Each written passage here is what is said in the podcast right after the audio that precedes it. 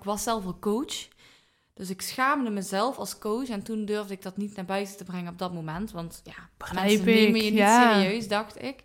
Achteraf wel heel open in geweest en overgedeeld. En ook Ja. nog sterker uitgekomen. Eh, plus ik kan daardoor anderen ook nog beter begrijpen.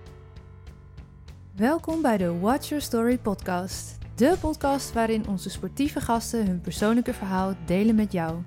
Watch Your Story is het platform voor en door sporters en voormalig sporters. Ben je geblesseerd geraakt of helemaal gestopt met je sport en vraag je je af, wat nu? Via onze website watchyourstory.nl kun je onze online training Beyond the Game volgen. De training is helemaal gratis voor alle luisteraars, omdat wij vinden dat mentale begeleiding voor alle sporters beschikbaar moet zijn. Aanmelden kan via watchyourstory.nl. Die link vind je ook in de beschrijving van deze aflevering. Want vergeet nooit, je bent niet alleen. Your story counts. Vandaag ga ik in gesprek met Demi Ophai. Demi is trainer, coach en psychodynamisch therapeut in opleiding. Zelf heeft ze als voormalig topsporter ervaren hoe het is om te leven met een eetstoornis. In deze eerste aflevering, in een serie van vijf, vertelt ze openhartig over hoe de eetstoornis subtiel haar leven insloop om later obsessief te worden in combinatie met sport. In de aankomende afleveringen gaan we dieper in op de vragen: wat is een eetstoornis en hoe herken je het bij jezelf en bij anderen? We bespreken de oorzaken van eetstoornissen en Demi geeft tips die helpen tegen eetbuien. Maar we beginnen vandaag bij het persoonlijke verhaal van Demi zelf. Ben je sporter of voormalig sporter en heb je last van mentale struggles, bijvoorbeeld met eten, zoals we in deze aflevering bespreken? Ga dan naar onze website watchyourstory.nl en meld je aan voor onze gratis online training Beyond the Game. De link vind je in de beschrijving van deze podcastaflevering. Demi, welkom in de Watch Your Story podcast. Wat ontzettend fijn dat jij vanmorgen drie uur lang hier naartoe bent gereden om jouw kennis vandaag te komen delen. Dank je wel. Ja, geen probleem. Was een stukje file natuurlijk. Ja, ja, je bent lang onderweg geweest, maar we zitten hier en eh, we gaan het vandaag uitgebreid hebben eh, in een serie van podcasts over eetstoornissen en zeker ook in relatie tot eh, sport. Um, voor we daar echt in gaan duiken, inhoudelijk ben ik natuurlijk heel benieuwd naar jouw persoonlijke verhaal. En starten we ook vandaag met de vraag die jij al voelt aankomen, die wist je van tevoren. Uh, wie is jouw grootste inspiratiebron? Ja, ik, ik heb daar heel lang over na zitten denken en ik wist het net nog steeds niet heel goed, want ik, ik heb meerdere inspiratiebronnen. En uh, omdat ik toch een naam moest noemen, denk ik op het stukje eetstoornissen uh, wie mij op het begin heeft geïnspireerd. Dat is denk ik Didi Joosten. Zij heeft daar ook een heel uh, verhaal over gedeeld online. En een heel uh, bedrijf is ze daarin begonnen. En ik denk ook wel een stukje Els van Stijn van het boek De Fontein. Ja. Over familiesysteem heeft mij heel erg veel inzicht gegeven en geïnspireerd. En ook wel heel veel andere schrijvers van boeken. ja. ja. Ja, Els van Stijn, dat is een boek wat ik ook echt aan heel veel mensen aanbeveel. Ja. Uh, dat is echt, ja, must read eigenlijk. Waarvan, je dan, waarvan ik dan soms denk, waarom hebben we dit niet gewoon op school geleerd? Precies, dat Ja. vind ik ook, ja. Ik ben heel erg benieuwd uh, of jij wilt delen met de luisteraars uh, iets meer over jouw persoonlijke verhaal. Je hebt mij natuurlijk al het een en ander daarover verteld. Kan je ons een stukje mee terugnemen in de tijd als het gaat om uh, jouw sportieve leven en de eetstoornis die daarbij kwam kijken? Jazeker. Um, vroeger begon het denk ik bij dat ik op de middelbare school door een stom voorval gepest werd. En ik wou eigenlijk die pijn en die angst onderdrukken. En ik denk dat dat toen begonnen is doordat ik um, ging eten. Dus eigenlijk als ik bijvoorbeeld wou afvallen, dat speelde toen ook een beetje. Je ging je vergelijken met anderen. En dan wisten mensen in je omgeving dat je aan het afvallen was. En dan zeiden ze van, waarom zou je dat eten? Want je bent aan het afvallen. En daar begonnen denk ik al dat je dan stiekem ging eten. Um, ja, dat voelde ook wel veilig. En het zat er gewoon zo in, telkens als je stress had of je rot voelde, dat je ging eten. En dat werd uiteindelijk gewoon een gewoonte. Um, ja, toen wist ik eigenlijk niet anders. Ik dacht dat dat bij me hoorde en dat ik gewoon iemand was met een eetstoornis en daar niet van af ging komen. Ja, wist jij op dat moment al, ik heb een eetstoornis? Dat wou ik inderdaad zeggen. Ik wist toen nog niet dat het een eetstoornis was. Uh, als je terugkijkt wel, maar ik wist wel dat het is niet helemaal goed. En volgens mij ben ik de enige die dat heeft. Want ja, het is onuitgesproken, niemand heeft het erover. Ook ik had het er niet over. Mm. Want je schaamt je, je walgt eigenlijk van jezelf. Ehm, toen ben ik zelf ook tussentijds een aantal keer obsessief geworden met diëten. Dan ging ik heel veel dingen uh, mezelf ontzeggen. Heel strikt dieet, wat ik toch niet ging volhouden. En uiteindelijk werd het steeds erger en erger. Dan had je weer een of ander Herbalife dieet uh, om snel af te vallen. En daarna kwam je nog meer aan. Had je nog meer eetbuien. En uiteindelijk denk je van ja, ik ga maar niet meer diëten, want elke keer uh, wordt het erger. Ja. Toen uh, ben ik gaan sporten. Dat werd eerst obsessief. Dat ik zelfs twee keer per dag ging om zelfs soms eten te compenseren. Ging ik s'avonds nog uh, cardio doen of rennen of wat dan ook. En toen kwam ik in aanraking met fitness. En toen vroegen ze mij of ik groepstesten wou geven. En dat vond ik wel leuk, dus dat ben ik gaan doen. En toen ben ik daar ook opleidingen over gaan volgen. En toen ben ik er eigenlijk ook achter gekomen dat er eigenlijk veel meer is dan sport. En dat het eigenlijk allemaal om je mind draait. Toen ook heel veel inzichten gekregen over mezelf. En daarna ben ik ook van mijn eetstoornis afgekomen. Dat heeft wel acht jaar geduurd. Um, ja, hoe ik er precies uit ben gekomen, lastig te zeggen. Heel veel inzichten gekregen door psychologen, door... Wat voor inzichten kreeg je?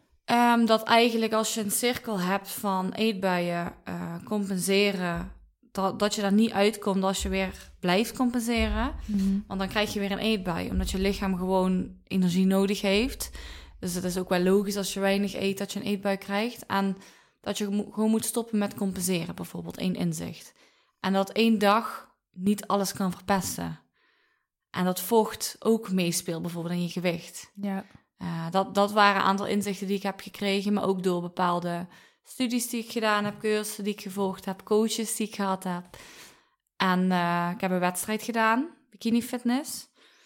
Toen ben ik heel obsessief geweest, ook echt een crash dieet gevolgd. En toen ben ik in zes dagen 12 kilo aangekomen na mijn wedstrijd. 12 kilo. Hoe dan? Ja, ik at uh, denk ik 10.000 calorieën per dag omdat ik dacht van ja, ik mag toch een beetje aankomen. En iedereen had me gewaarschuwd. Ja. Oh ja, je komt zo 10 kilo aan. Maar ik dacht dat is een beetje overdreven. Dat kan niet. Um, maar ja, dat kan dus wel. Dus als jij dan echt die eetbuien hebt en daarin blijft hangen, kan het heel snel gaan. Wat gebeurde er met jou in die dagen? Um, nou ja, ik keek in één keer in de spiegel na vier dagen of zo. En ik dacht wel, wat de fuck is er met mij gebeurd? Van, hoe kan mijn lichaam na vier dagen zo veranderd zijn? En ik wachtte van mezelf. En ik dacht, oké, okay, ik heb nu ook helemaal geen zin om het nu weer in één keer helemaal terug te draaien, want ik heb het weer helemaal verpest. En dus maandenlang weer heel erg last van gehad. Ik was zelf wel coach. Dus ik schaamde mezelf als coach. En toen durfde ik dat niet naar buiten te brengen op dat moment. Want ja, Begrijp mensen ik, nemen je niet ja. serieus, dacht ik. Achteraf wel heel open in geweest en overgedeeld. En ook Ja. nog sterker uitgekomen. Uh, plus ik kan daardoor anderen ook nog beter begrijpen in dat uh, stukje. Want eh, je gaf aan, je ging die bikini, bikini fitness wedstrijd doen. Um, nou kunnen we daar natuurlijk heel makkelijk een beeld bij vormen van buitenaf en een oordeel over hebben. Dat is natuurlijk, ja, dat is heel makkelijk. Maar ik ben eigenlijk wel heel nieuwsgierig. Um, hoe kwam je daarmee in aanraking in de first place? Laten we daar beginnen. Ja, nou, ik zat bij een franchise-organisatie als um, vooral fitness- en voedingcoach. En ze hadden eigenlijk als idee om met het hele team een wedstrijd te gaan doen. Want een aantal hadden dat dus al gedaan. Nou, uiteindelijk waren ik en nog een andere collega waren nog over van de vijf of zes of zo. En toen wou ik het ook gewoon doorzetten. En ik dacht dat ik toen mijn eetstoornis al overwonnen had. Alleen toen ging ik juist aan de andere kant dat ik heel obsessief was. Ik was al bang als ik iets at uh, waar geen calorieën op de verpakking stonden. Als ik niet wist hoeveel gram het was, dan raakte ik al in paniek. Dus ja, ik had wel heel veel discipline voor die wedstrijd. Want mijn coach zei van, je gaat het niet redden. En ja, ik wil eigenlijk bewijzen dat ik het wel kon. Mensen zeiden, dat kun je toch niet, want je bent echt een snoepkont. Nou, ik denk, ik laat zien dat ik het kan. Maar ja, dan weer helemaal naar de andere kant geswitcht. Om te obsessief, gewoon een korrel rijst brak ik nog door midden, bij wijze van spreken. Ja. Um, ja, toen eigenlijk die wedstrijd gaan doen, ook mezelf leren kennen. Want ik dacht van, wow, ik wist niet dat ik dit in me had, die discipline. Dus dat was wel een mooie ervaring. Maar voor mijn mentale en fysieke gezondheid was het niet heel erg goed. Dus eigenlijk was jij gewoon een korte periode aan topsport aan het doen. Ja, En als je daar nu op terugkijkt, zeg je heel duidelijk... dat was echt niet goed voor mij op die Nee. manier. nou, ongeveer een half jaar tot een jaar, inderdaad. En daarna dacht ik van, ik ga nooit meer een wedstrijd doen. Maar ja, dan eh, kom je in de top drie en dan mag je door. En ja, dan, als het dan zover is, dan ga je toch wel Het is toch ook gezien worden, hè? Waar je eigenlijk naar op zoek was. stukje van ehm, je bent coach en je wilt ook wel weer een beetje bewijzen naar je klanten dat je het wel kan. En nu zou ik dat niet meer op die manier doen. Eh, ja, dat was een beetje mijn intentie daarvan toen. Ja.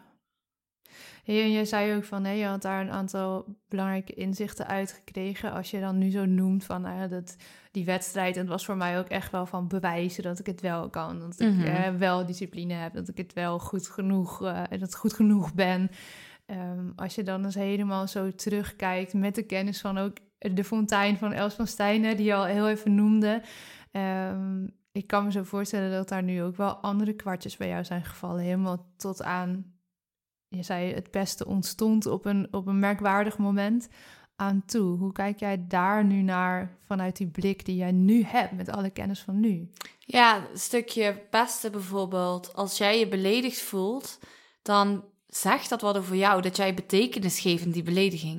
Want bijvoorbeeld als iemand me te dik noemde, dan voelde ik me beledigd. Maar eigenlijk betekent dat dat ik mezelf te dik voelde. Ja, En niet dat iemand anders dat vindt. Ik voelde mezelf te dik. Maar ook eh, dat discipline, het kan goed zijn, maar het kan ook niet goed zijn. Als je te veel discipline hebt, kan het ook wel weer op een negatieve manier obsessief zijn. ja, Uh, dus aan de ene kant, die discipline kan heel handig zijn, maar ik zou het niet meer op die manier willen hebben, want ik was ook niet gelukkig toen. En een laag vetpercentage, uh, of dat resultaat, maakte me niet per se gelukkig. En dat heb ik eerst moeten ervaren, dat een sixpack me niet gelukkig maakte, of buikspieren. Maar toen dacht ik van, oh, als ik die strakke buik heb, als ik geen vet meer heb, dan ben ik gelukkig. Maar dat is niet zo. Wat heeft jou dan nu wel gelukkig gemaakt? Um, ja, ook wel toch wel de kleine dingetjes. Gewoon dat je in het dagelijks leven doet waar je plezier uit haalt. Dus bijvoorbeeld werk. Uh, ook al werk soms heel veel. Het voelt heel vaak gewoon nog steeds als vrijheid. Omdat ik gewoon doe wat ik leuk vind. Tuurlijk komen er ook dingen bij kijken zoals boekhouding. Maar um, ja, ook de mensen om je heen. Dus gewoon niet altijd een discussie willen winnen. Niet altijd gelijk willen hebben. Want wat heb je daaraan? Um, ja, gewoon een fijne relatie. Uh, de mensen om je heen die zich goed voelen. Ja, die kleine dingetjes, een knuffel. Zit hem in totaal andere dingen ja. die jij eerder noemde. Hè? Tuurlijk, Als ook het... nog wel steeds gezelligheid en soms uit eten. Maar het is niet meer het stukje eten wat mij dan gelukkig maakt. Nee, en, en de vroeger... controle hoor ik jou ook eigenlijk heel erg zeggen. De ja. controle over dat eten, dat dat jou... Ja. Dat je dacht dat dat je gelukkig maakte, maar ja. dat het dus eigenlijk helemaal niet zo was. Nee, want het maakte me wel ongelukkig dat ik het niet had. Maar het is niet dat dat me nu gelukkig maakt. Nee. Want vroeger durfde ik nog niet twee keer in de week te gaan naar daten. En nu ik ga soms drie keer in de week. En ik maak me daar echt totaal niet druk meer om. Heerlijk. Ik hou van Ja, uit eten. ja, heerlijk. Ik heb een iets andere achtergrond, dus dat eh, maakt wel degelijk uit, denk ik.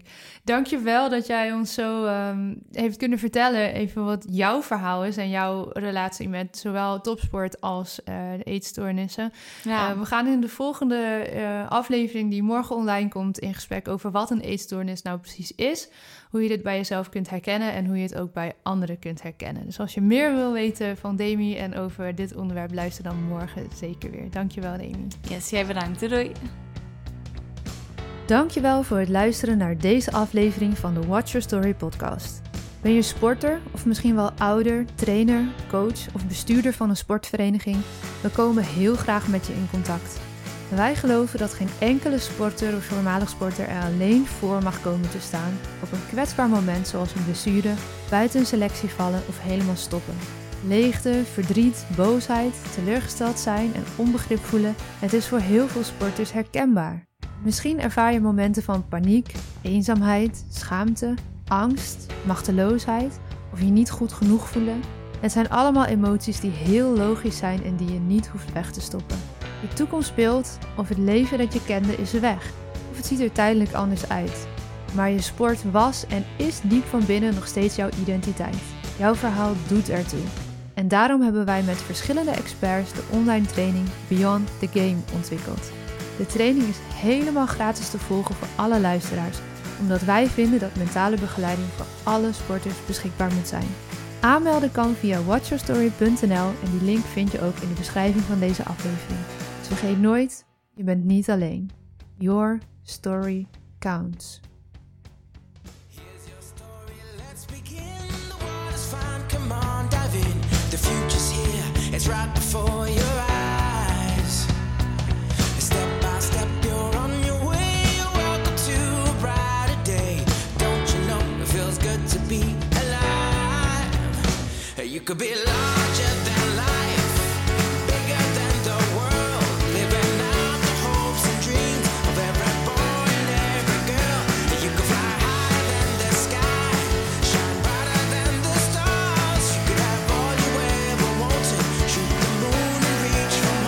know you could.